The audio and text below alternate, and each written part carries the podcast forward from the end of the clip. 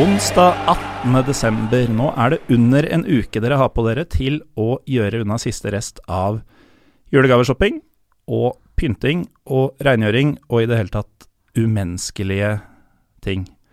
Uh, vi sitter imidlertid her lunt og trygt i studio, skjerma for alskens eh, rør. Og vi i dette tilfellet er eh, meg, Morten Gallosen, og Mina Finstad Berg fra TV 2. Hei, hei. Hei, du. Vet du hva som slo meg nå? Dette er første kvinnelige stemmen i Pyro Pivo noensinne. Oi, det er jo litt stas, da. Det er jo en ære, må jeg få si. Ja, det, det håper jeg på. Eh, det er jo litt betenkelig at det har gått eh, nesten tre og et halvt år siden første episode til, eh, til det er noen andre enn menn her. Men velkommen skal du være, og Jo, takk. du er jo da med på å lage historie. Det er Igjen. ikke hver dag man gjør det. Nei, men du, du har vel vært ganske tidlig ute med veldig mye? Altså, du er jo en av få eh, damer i Premier League-redaksjonen, bl.a. hos TV 2, og er, um, er på mange måter en pioner. Tja, jeg vet ikke om det er nok andre som har gått enda mer før meg, men det er klart, vi, vi var jo ikke så mange damer som var sånn superfotballnerds tidligere, men nå kommer det stadig flere, og det syns jo jeg er veldig gøy. Jeg begynte jo å blogge om fotball og henge på sånne eh, fotballforum eh, sånn cirka som 14-åring, så det er gøy at det liksom er litt flere nerdejenter også i fotballen nå enn det det var før. Føles det som det er mer eh, akseptert enn tidligere? Ja, veldig òg. Eh, altså jeg får nesten ikke noe sånn det man Hvis du skal kalle det seksualisert eh, dritt eller kjønna Mm. dritt. da, Jeg får veldig lite av det, men sånn som eksempel Lise Klaveness da hun begynte å jobbe med VM, fikk jo veldig mye mer enn det jeg får nå. Så jeg tror at det har skjedd ganske mye bare på et par år, altså. Mm. Og det er jo bra. Ja, det, det er akkurat sånn det inntrykket jeg har også. Så hvordan det enn jobbes med, så gjøres det riktig, da, har jeg mm. inntrykk av. Du er jo som sagt i TV 2, og du driver mye med engelsk fotball. Eh, Ja. Glad i veldig mye fotball. Eh, du er bl.a. Fast i Europaligasendingene. Europaligaen er jo kremen av europeisk Ikke fotball. sant? Det er helt nydelig, og det skjer noe gøy hver Mhm. eneste runde. Det, det gjør det. Og i dag så skal vi snakke om et, en by i England som fostrer verdens eldste fotballklubb. Eh, og vi kan jo på en måte si at uh, der Sheffield United er uh, skal vi si Champions League-laget, så ville Sheffield FC, som vi skal snakke om i dag, kanskje ikke kvalifisert seg for Europaligaen eller Intertoto eller Royal. League, kanskje? eller- Kanskje Royal League, hvis det hadde vært en en god britisk dag, på en ja. veldig god dag. ja, for nå skal vi et stykke ned i, i divisjonene. Ja, vi skal jo til non-league. Men dette er jo også en klubb som veldig lenge har vært veldig stolte av eh, en amatørstatus. Altså, det har vært viktig for uh, Sheffield FC egentlig hele veien omtrent. Det at man skal være en liksom, klubb for lokalsamfunnet og en community-klubb. Så det er jo for så vidt i deres ånd også at de er såpass langt ned i divisjonssystemet. Mm. Ja, det, det passer dem nok veldig, veldig bra. Uh, det er jo altså mm, Sheffield Football Club, veldig enkelt og greit, Mm. Uh, som titulerer seg The World's First Football Club. Og hele denne kalenderen har jo handla om eh, dette Club of Pioneers, som de står bak, eh, hvor de har prøvd å samle et slags community, nærmest, av den anerkjent eldste gjenlevende klubben i så mange land som mulig. Mm. Um, litt sånn kjapt, hvordan starter man eh, tidenes første fotballklubb? Eh, Som veldig mye i England, så er det jo gjerne utgangspunkt i f.eks. cricket. da. Så i tilfelle med, med Sheffield FC, så var det jo egentlig noen folk fra da cricketmiljøet som begynte å arrangere noen litt sånn uh, uformelle fotballøkter uh, rundt 1855. Som da etter hvert blei mer og mer organisert. Og så da i oktober eh, 19, nei, 1857 så, så stifter man da formelt Sheffield FC. Det jeg syns er litt gøy, for det er da de har sitt første møte, og det møtet er jo da i et drivhus. Ja. Som de har fått låne av faren til en av disse to gutta, da, som liksom skal, skal dra igjen uh, ballet. Så det syns jeg er en litt sånn det er en fun fact. Den, du har ikke så mye bruk for den, men det er litt gøy at den klubben ble stifta blant liksom, tomater og salathuer og osv. osv. Og det jo der, men det er jo der på en måte klubbfotballen også har sin vugge, da, vil jeg si. Mm. Eh, At man får den, For tidligere i England da, så var det jo mye sånn at det var skolelag rundt omkring, og det var veldig ofte knytta til liksom, utdanningsinstitusjoner, men her får Mm. man liksom en fotballklubb sånn som vi kjenner dem i dag, da. Ja.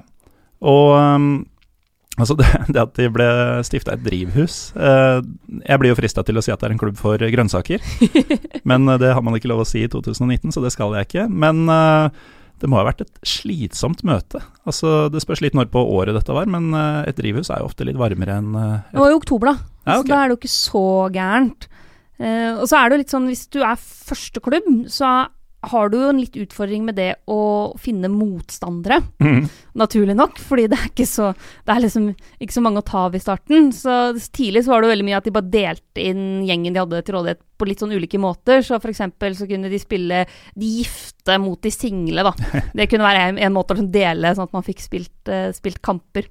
Men da må man være kreativ og finne på forskjellige ting òg, sånn at det, blir, at det ikke blir det samme kanskje feige lagene hver gang. Ja, Man veit jo ikke om det er de som er gift eller de som er single som er best i fotball, men de, de hadde liksom ulike varianter der. Men så er det selvfølgelig de også da som, som spilte verdens første lokalderby, eller derby. Det er, det er, når du er den første klubben, så får du jo mange sånne rekorder med på kjøpet, men det var jo mot Hallam, hvor det, man hadde tidenes første derby. Mhm. Altså, Du var inne på det at de er en amatørklubb eh, også i dag, og hvis man ser litt på eh, liksom deres prestasjoner over de 160 årene omtrent som eh, Sheffield FC har eksistert, det er mye, mye grums. Eller altså, det beste de har gjort i FA-cupen f.eks., er fjerde runde, to ganger. Ja. De var begge på 1870-tallet. Og de skriver, altså klubben skriver jo selv eh, altså De omtaler eh, da i 1904 som 'the club's finest hour', eh, eller Mm. noe i den rekka. Og det er jo da når de da vinner eh, amateur cup.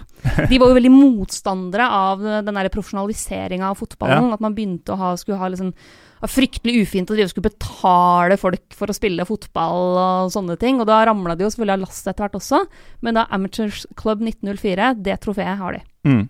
Og denne mm, motvilligheten mot profesjonalisering av fotball, den eh, ser man jo også litt i at de nekta å eh, innrette seg etter FA-reglene. Ja, de kjørte sin egen greie. Ja. Men, men igjen så var de jo på en måte først ute, da. Fordi det de kaller for, for Sheffield Rules, eh, de kommer da i, i 1958, eh, hvor gutta, ledelsen i klubben her, setter seg ned og prøver å måte skriftliggjøre et sett med regler. Og det er, eh, er på, det er første gang man fikk et komplett sett med regler som ikke var fra en eller annen skole. Igjen fordi du hadde gjerne Mm. sånne skolelag. Så de var på en måte den første klubben som, som etablerte sånn eget regelsett. Men det ble en del kluss med det, fordi når de ulike lag skulle møte hverandre, så ville de spille med ulike typer regler. eh, Så eksempel det ene lagets regler tilsa at man skulle være 18 spillere, eh, og det andre tilsa kanskje at man skulle være 9. Og da Mm. blir det jo litt krøll. Ja, det er, det, det er ikke konkurranselikhet med, med forskjellige regelsett. Men de sier jo det at den Ok, de, de, etter hvert så valgte de å på en måte føye seg inn med da FA sine regler, og gikk med på at ok, vi, vi, vi går med på det. Men det sies jo at de var de som annet fant opp ting som corner og innkast og frispark og Mm. Tverrligger leste jeg også, at det er liksom de som var eh, De som pådrivere? For, så de fikk jo likevel en del gjennomslag, og har jo definitivt vært ekstremt viktige for å forme den idretten vi er så glad i i dag, da. Mm. Det må man jo kunne si.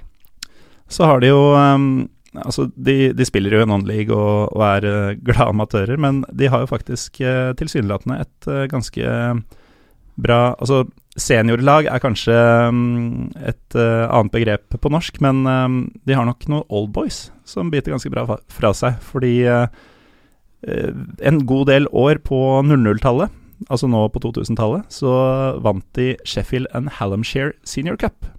Det er jo veldig stas. Ja, og det er liksom noe de har gjort i forholdsvis nyere tid, da, sist for uh, ni år siden. Uh, og det, det er eh, ført opp som honors i, i denne klubben. Ja, altså jeg tror de tar litt det de får.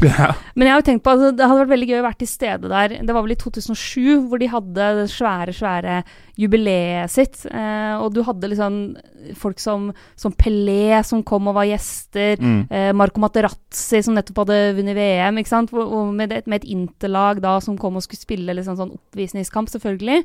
Men det må jo ha vært veldig spesielt for den her gjengen med som også da var amatører Ja. langt ned i divisjonene, og plutselig skulle, skulle spille mot Verdensmestere og ekte fotballspillere, Ja. ordentlige fotballspillere, hva du nå vil, vil kalle det. Men jeg syns det er veldig flott at man faktisk markerer den type klubber på den måten, da. mm.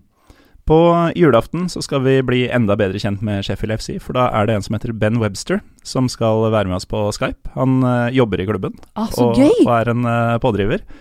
Eh, vi møtte han, eh, jeg og et par andre Pyro Pivo-folk, på um, breddefotball-groundhopping i Romania i våres. Og nå skal vi høste fruktene av det, da. Det er jo helt fantastisk. Så de som vil høre meg snakke engelsk på lufta for første gang, som jeg kan huske, de eh, bør sette seg ned på julaften på morgenen der og høre litt på hva Ben forteller om klubben, som, som vi ikke har klart å grave fram i denne litt kjappe og greie luka.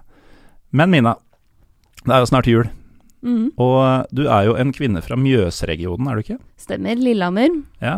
Eh, Jeg har jo halve slekta på andre siden eh, i Trysil og skal være der i jula. Så jeg tenkte å høre litt sånn hva er det dere driver med som, som skiller seg fra fel side? Nei, altså jula på Lillehammer er jo for det første Det er litt som om noen bare slipper deg ned i en sånn der NRK adventskalender. For det, ser, det er jo sånn latterlig idyllisk. Det er Skomakergata. Ja, veldig òg. Eh, Lillehammer sentrum har vært veldig sånn strenge regler på at man skal bevare opprinnelig trehusbebyggelse og sånn, så Mm. det ser veldig sånn Skomaker Andersen ut i gågata, som det er hovedgata på Lillehammer. Mm. Og så er det jo fryktelig mye snø. Ja, det er det alltid, eller? Ja, så Mm. godt som alltid, så alle skal ut på ski. Og så er det da selvfølgelig å skulle samle seg inne til å se en del fotball også. Det hører liksom med, i hvert fall for meg, i jula å få sett ganske mye fotball. Ikke bare fra England, men også fra mange andre ligaer rundt omkring. Og det er ofte veldig gøy, for da kan jeg se fotball med fattern. Og det Ja. er alltid stas. Han er Så- da Stoke-sporter. Ja, eh, det er jo en historie som eh, Altså, du har jo vært med og fortalt din historie flere ganger, nylig forholdsvis i eh, Heia fotball. Og Stoke-greia, der hadde du aldri noe valg. Nei, det hadde jeg ikke, altså. Det, det har på en måte påført eh, hjemmefra. Men jeg syns jo det er veldig hyggelig altså, Nå har jeg på en måte vent meg til å, å ha et eh, lag som nå er i championship. Og det er litt ålreit, fordi da følger man liksom mye bedre med på det nivået under. Altså det, du har liksom Premier League med stjernedryss og glam og veldig sånn Veldig polert, da. Eh, championship eh, er ikke veldig polert, Nei. så det er ganske moro. Ja, Det er utrolig hvor stor den forskjellen er på Ja. én divisjon i England. Vanvittig stor. Og jeg tipper at hvis du kommer deg nedover til non-league, så er det nesten en annen idrett. Ja. En uh, tur til Sheffield, rett og slett, og se tre divisjoner på en langhelg hvis du har eh, flaks. Det, Det må være tidenes julegave. det tror jeg. Uh, apropos, vi har et par minutter igjen. Du skal jo være med i morgen også og prate om en annen klubb fra øyriket, men uh, det er jo en del fotball i kveld. Hva er det Ja. du ser mest fram til? Eh, altså For meg som har hatt deler av barndommen min i Spania, så er jo Barcelona mot eh, Real Madrid en kamp som eh, da, da stopper på en måte verden litt rundt. Det er kanskje ikke det egentlig Altså, det er kanskje ikke det, det oppgjøret i Spania som eh, er mest liksom derby hvor byen koker mest, men det er jo selvfølgelig det som får størst oppmerksomhet. Mm. Men uh, altså, man kan få se Sampdoria mot Juventus, man kan se Brescia mot Sassuolo, det tror jeg blir en kul kamp. Og så er det Det var veldig sånn pyro pivo choice. Hvorfor er Brescia Sassuolo en eh, kul kamp? Altså, Sassuolo er jo fett fordi det er et kult lag, og det er jo et av disse lagene som har på en måte klart å, å komme Altså, de har rykka opp fra Serie B, og så har de klart å etablere seg.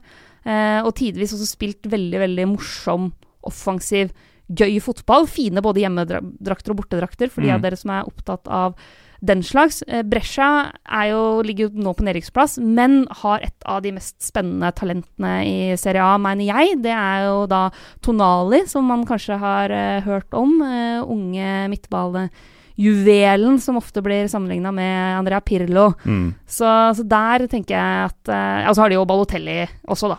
For de av dere som fortsatt syns han er litt kul. så, så den kampen tror jeg kan bli veldig artig.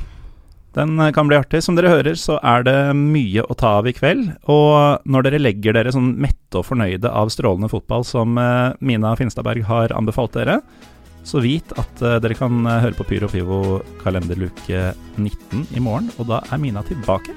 Så da blir det mer av det samme. Woo!